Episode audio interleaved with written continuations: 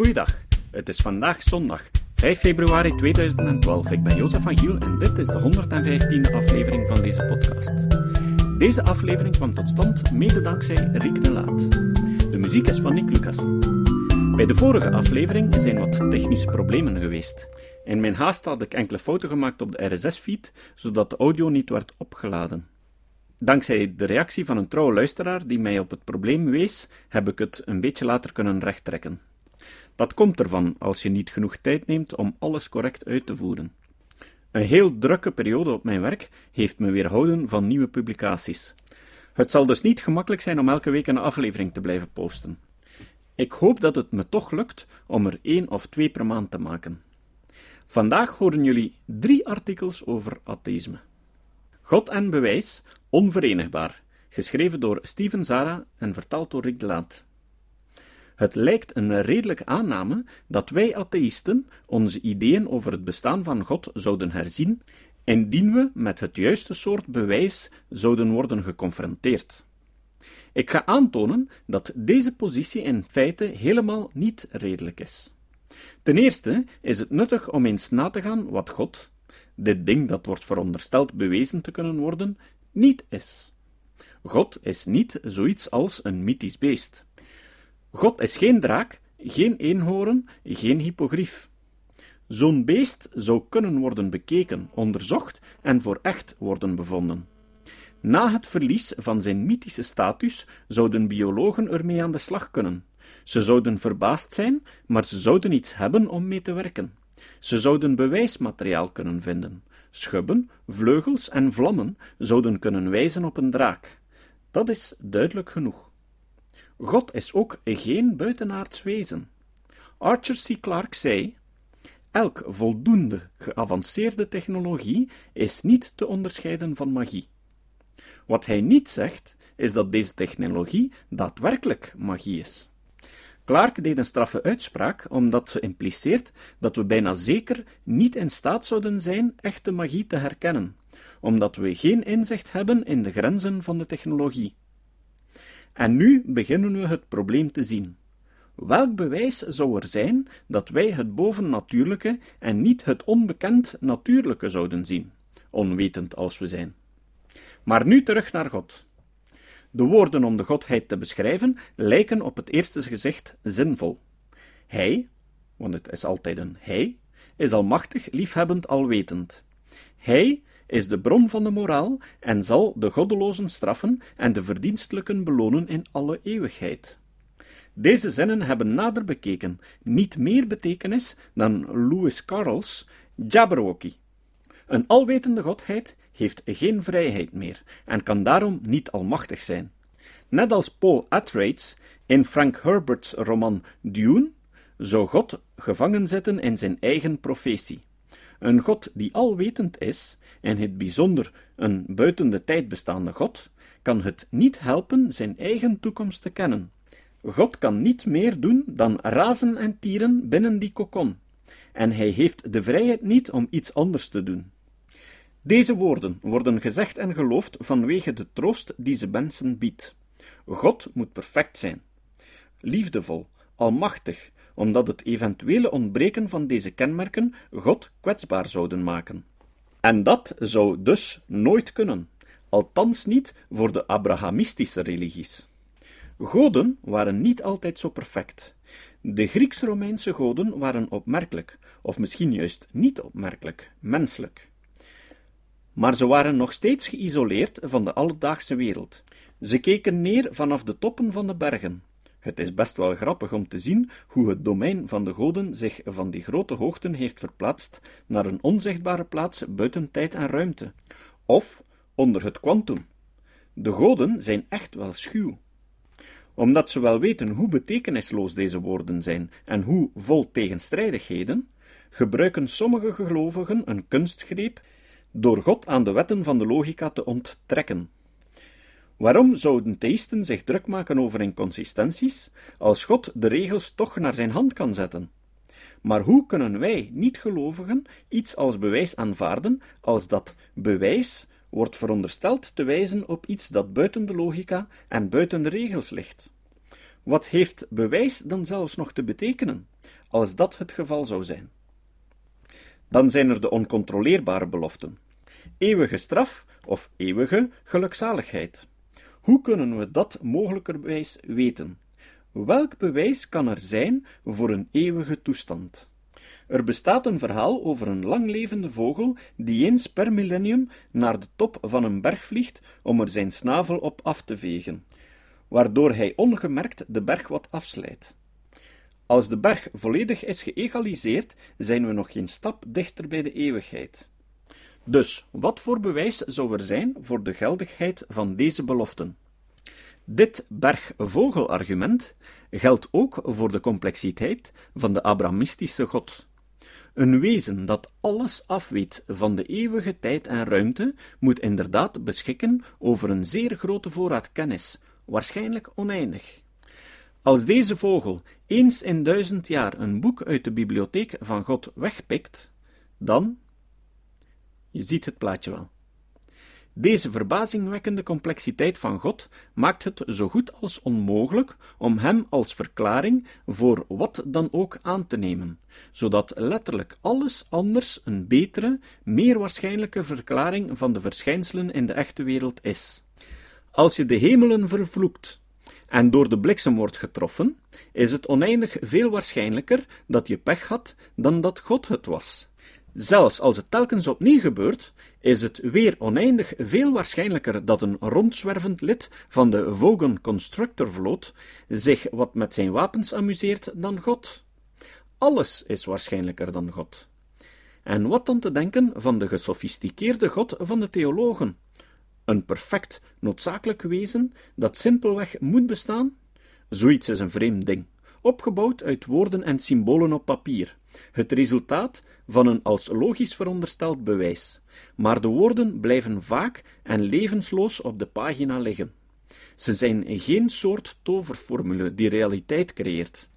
Bepaalde toepassingen van woorden, bepaalde logische paden kunnen consistent zijn.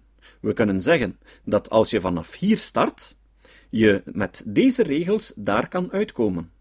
Maar als deze paden door de logica bruikbaar willen zijn om de echte wereld te beschrijven, dan moet eerst van die regels en die uitgangspunten, axioma's, worden aangetoond dat ze een relatie met de echte wereld hebben. Maar de werkelijkheid hoeft zich niet te houden aan regels die wij zomaar even bedenken, en ze lijkt zich zeker niet te houden aan de regels die door theologen worden ontworpen. Inderdaad weten we nu dat de werkelijkheid veel vreemder is dan wat we eeuwen geleden dachten. Op kleine schaal verliest causaliteit zijn betekenis, en elke dag, als we onze weg door deze wereld zoeken met behulp van satellieten, moet er rekening gehouden worden met het uitrekken van tijd en ruimte.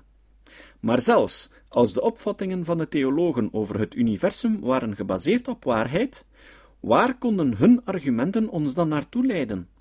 Wat is een perfect wezen? Het is slechts een holle frase. Ze impliceert geen intelligentie, geen geest of zelfs geen denken. Er is geen weg van perfect wezen naar Vader, Zoon en Heilige Geest. Kunnen we dan het werk van theologen beschouwen als bewijs voor God? Nee. Ze bewijzen alleen maar dat hun meningen en redeneringen niets beschrijven dat een typische gelovige zou herkennen. Er is nog altijd geen algemeen herkenbare inhoud in hun gebruik van de term God.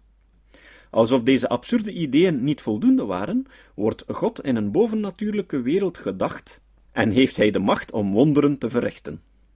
Het idee om bewijzen van wonderen serieus te nemen werd eeuwen geleden al als onredelijk aangetoond door David Hume, en toch pretenderen de grote religies nog altijd dat we in staat zijn om te weten wanneer er iets magisch gebeurt. Het is de moeite waard even een ommetje te maken naar het idee van het bovennatuurlijke. Wat is dat precies? Het antwoord is dat het gaat om angst. De wereld die we om ons heen zien is vol pijn en tragedie. Het is gewoon niet eerlijk. Daardoor lijkt het voor sommigen alleen maar redelijk dat er een rijk van gerechtigheid bestaat, een plek waar wensen kunnen uitkomen, waar we niet voor altijd moeten sterven. Het bovennatuurlijke is geen plaats of toestand, het is een verlangen. Dit brengt sommigen tot het opzetten van een valse dichotomie tussen het natuurlijke en het bovennatuurlijke. Tussen de harteloze, gevoelloze en vrede wereld van atomen en de leegte, en de plaats waar moraal net zo echt is als woorden uitgehouwen in steen en God dingen tot bestaan bemint. Wat hebben we dan? Een inconsistent en onlogisch idee van een wezen met attributen die zelf contradictorisch zijn. Een wezen dat bestaat in een wereld van magie en wensen die uitkomen, waar regels gebroken mogen worden en toch met een magie die niet te onderscheiden is van een technologie die eeuwen of miljoenen eeuwen in de toekomst zou kunnen bestaan. Met daarin het werkelijk wonderbaarlijke, zo dat al bestaat, waarvan is aangetoond dat het onmogelijk is om het als dusdanig te herkennen. We hebben ook de woordspelletjes van theologen die erop aandringen dat wij hun stellingen over de wereld zouden vertrouwen, aannames die zelfs voor de verlichting al absurd waren. De theïsten kunnen niet winnen. Ze mogen niet praten over bewijs wanneer ze hun overtuigingen baseren op geloof. Ze mogen ons niet omschrijven als gebrekkige wezens en tegelijkertijd beweren dat we de waarheid kunnen vinden door een openbaring. Overigens, wanneer de paus beslist onfeilbaar te zijn, hoe kan hij dan zeker zijn van de onfeilbaarheid van dat besluit? Maar ik dwaal af. Theïsten verbergen God buiten het bereik van de regels van de logica in het bovennatuurlijke, en vervolgens beweren ze dat we tot God kunnen komen via de regels en de logica van de theologie. We worden verondersteld om logica te gebruiken om het onlogische aan te tonen. En tenslotte, wat ik de meest absurde positie van alle vind, theïsten concluderen dat we veel meer zijn dan materiële wezens, dat we kunnen voortbestaan na de dood van ons lichaam, dat ons ware zelf een bovennatuurlijke fundering heeft, en toch benadrukken ze dat we niet konden bestaan. Als God het universum niet zo had afgestemd om de fysische, natuurlijke wereld perfect voor ons bestaan te maken, een daad die absurd lijkt als ons ware zelf niet fysisch zou zijn. De inconsistenties en tegenstrijdigheden van theïsme en supranaturalisme lijken eindeloos. En moeten we dan met dit allemaal in het achterhoofd toegeven dat er enige mogelijkheid van bewijs is voor de Brahamistische God? Serieus? Beweren dat dit bewijs zou kunnen bestaan, is Clark ontkennen, is Hume ontkennen, is de relativiteit van Einstein en de kwantummechanica van Heisenberg ontkennen. Toegegeven dat er sprake zou kunnen zijn van een aanvaardbaar bewijs voor de bovennatuurlijke, almachtige, alwetende, liefhebbende eeuwige Godheid, is het tegenovergestelde van redelijk zijn. Dat is niet fundamentalistisch en ook niet dogmatisch. Het bestaan van eenhoorns werd gesuggereerd door sommige atheïsten om religie te parodiëren. Eén in het bijzonder is van belang. Hij is zowel onzichtbaar als roze. Men had geen betere parodie op de absurditeit van het theïsme kunnen verzinnen. Zou het fundamentalistisch zijn om te zeggen dat het belachelijk is om aan te nemen dat er bewijs zou bestaan voor de kleur van dit onzichtbare beest? Ik stel een nieuw, scherp atheïsme voor. Niet meespelen met de spelletjes van de theïsten. Geen toegevingen. Niet praten over bewijzen die ons van gedacht kunnen doen veranderen, wanneer hun overtuigingen doelbewust buiten de logica, buiten bewijs zijn geplaatst. Laten we niet meespelen in hun bedrieglijke spelletjes. Ingersolls gelofte. De 21ste eeuwse atheïst kan soms de indruk hebben dat al het gedoe van de nieuwe atheïsten een tikkeltje overdreven is. Maar vergeet dan niet dat hemel en hel door grote aantallen mensen nog altijd als een realiteit wordt gezien. Misschien is de volgende tekst van een 19e-eeuwse atheïst over zijn verlossing voor sommigen een eye-opener. Ingersolls gelofte door Robert Green Ingersoll. Toen ik ervan overtuigd raakte dat het universum natuurlijk was, dat alle geesten en goden mythen zijn, kwam er in mijn hersenen, mijn ziel, in elke druppel van mijn bloed het besef, het gevoel, de vreugde van vrijheid. De muren van mijn gevangenis verkruimelden en vielen. De kerker werd overstroomd met licht en alle sloten, tralies en boeien werden stof. Ik was niet langer een knecht, een lijfeigene of een slaaf. Er was voor mij geen meester in de hele wijde wereld, zelfs niet in de oneindige ruimte. Ik was vrij, vrij om te denken, mijn gedachten uit te drukken, vrij om te leven naar mijn eigen ideaal, vrij om al mijn vermogens te gebruiken, al mijn zintuigen, vrij om de vleugels van de verbeelding uit te slaan, vrij om te onderzoeken, te raden, te dromen en te hopen, vrij te oordelen en zelf te bepalen, vrij om alle onwetende en vrede geloofsbelijdenissen, alle geïnspireerde, door wilden opgetekende boeken en alle barbaarse legendes uit het verleden te werpen, vrij van pausen en priesters, vrij van alle geroepenen en uitverkorenen, vrij van alle geheiligde fouten en heilige leugens, vrij van de vrees voor de eeuwige pijn, vrij van de gevleugelde monsters van de nacht, vrij van duivels, geesten en goden. Voor de eerste keer was ik vrij. Er waren geen verboden plaatsen meer op alle domeinen van het denken, geen lucht, geen ruimte waar de verbeelding haar geschilderde vleugels niet kon spreiden, geen kettingen voor mijn ledematen, geen zweepslagen op mijn rug, geen vuur voor mijn vlees, geen meestersfrons nog bedreiging, geen andermans stappen moeten nalopen, niet meer hoeven te buigen, ineen te krimpen, te kruipen of leugens te uiten. Ik was vrij. Ik stond rechtop en zonder angst, vol vreugde tegenover de wereld.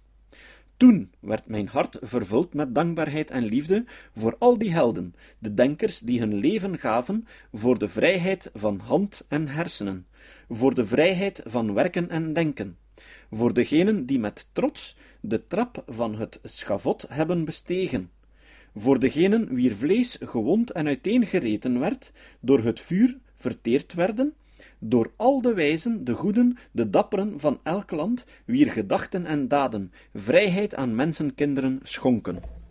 En toen heb ik gezworen om de fakkel die ze hadden vastgehouden te grijpen en hem hoog te houden, zodat zijn licht de duisternis nog meer kan overwinnen.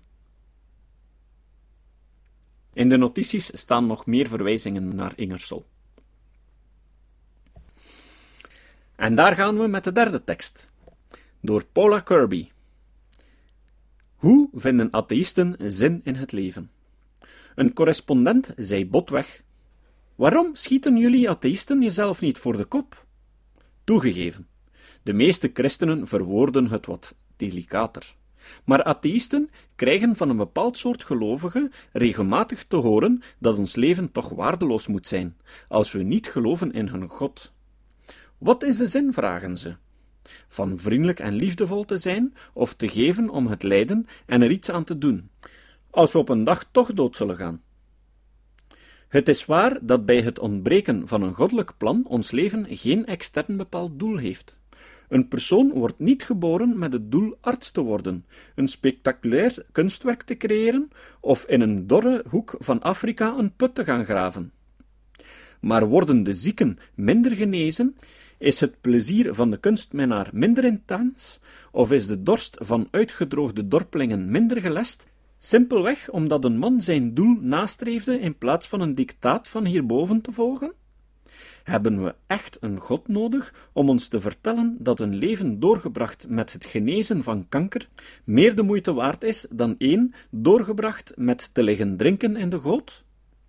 Waarom zouden we geen voldoening vinden in het verlichten van lijden of onrecht, alleen maar omdat we op een dag allemaal sterven?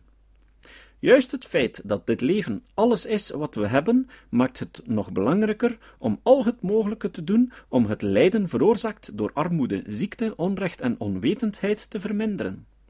Deze pogingen als zinloos beschrijven, is zeggen dat onnodig lijden er niet toe doet.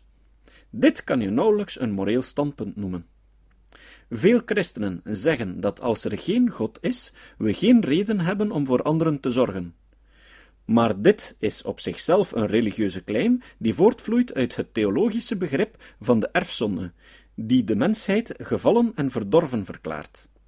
Dat kunnen we rustig negeren, want in werkelijkheid hebben we geen kinderachtige verhalen van eeuwige beloning of verdoemenis nodig om ons te dwingen tot het goede. Onderzoek toont aan dat de minst religieuze gemeenschappen het minst te lijden hebben van sociale kwalen, met inbegrip van criminaliteit en geweld. Gezonde mensen hebben een aangeboren empathie. En de verklaringen hiervoor vinden we in de psychologie en de evolutionaire biologie. Geen goden nodig.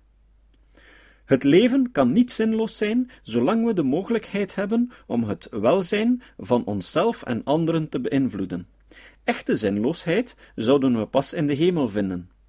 In de staat van permanent perfect geluk, wat de definitie van de hemel is, is het verschil maken uitgesloten.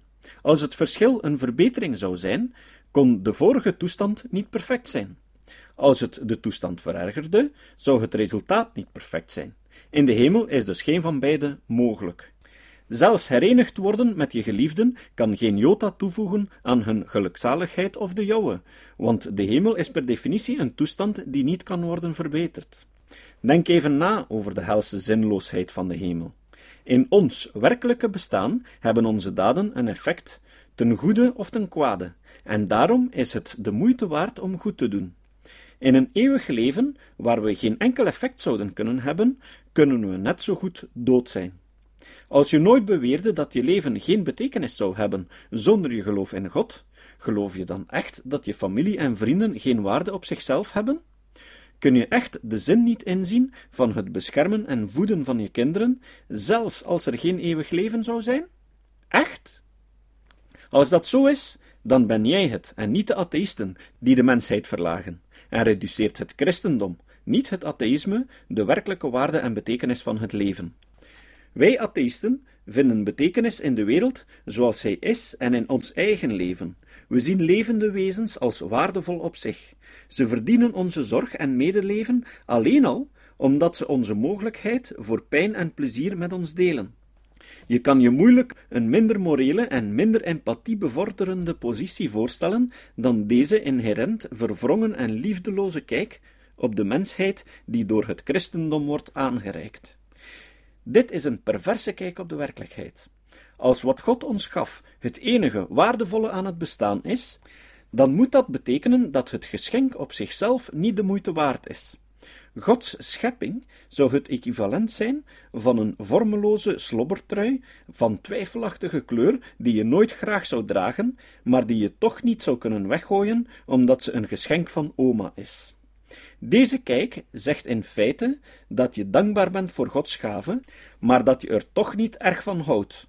Zonder je geloof dat er een eeuwigheid in de hemel zal zijn om je te compenseren omdat je het bestaan hebt moeten verduren, zie je geen reden waarom je het ooit zou willen hebben. Theïstische religie herleidt het leven naar iets dat geen enkele andere waarde zou hebben als het niet de creatie van een ingebeelde godheid zou zijn. Ze verkondigt dat doel en betekenis alleen kan worden gevonden door de marionet van die godheid te zijn, geen ander doel te hebben dan zijn doel en geen andere waarde dan als knutselwerk van die god. Theïstische religie beschouwt al het menselijke en meest nobele in het menselijke streven en inspanning als zinloos en waardevol, of erger, verdorven, tenzij gedaan in naam van God. Het is tijd om dit ongefundeerde wereldbeeld te verlaten. Het is tijd om theïstische religie te verwerpen en onszelf en anderen met echte waardigheid te gaan bekijken, als wezens met een waarde op zichzelf en niet alleen als de vervormde schaduwen van een fictieve schepper. Het citaat. Het citaat van vandaag komt van Ingersoll. Ingersoll zei: Er bestaan in de natuur geen beloningen of straffen, alleen maar gevolgen. Tot de volgende keer. Dit was de podcast Kritisch Denken. Vergeet niet om alles kritisch te behandelen, ook deze podcast. Voor verdere informatie over deze podcast, links en voor de tekst, surf naar www.kritischdenken.info. Als je deze podcast belangrijk vindt, kun je me steunen door anderen warm te maken ook eens te luisteren. Stuur een e-mail naar vrienden met een link naar de website en plaats de link in de handtekening van je e-mails. Tevens kun je op iTunes deze podcast een beoordeling geven of een recensie schrijven. Of je kan op je eigen website of blog een link naar kritisch denken plaatsen.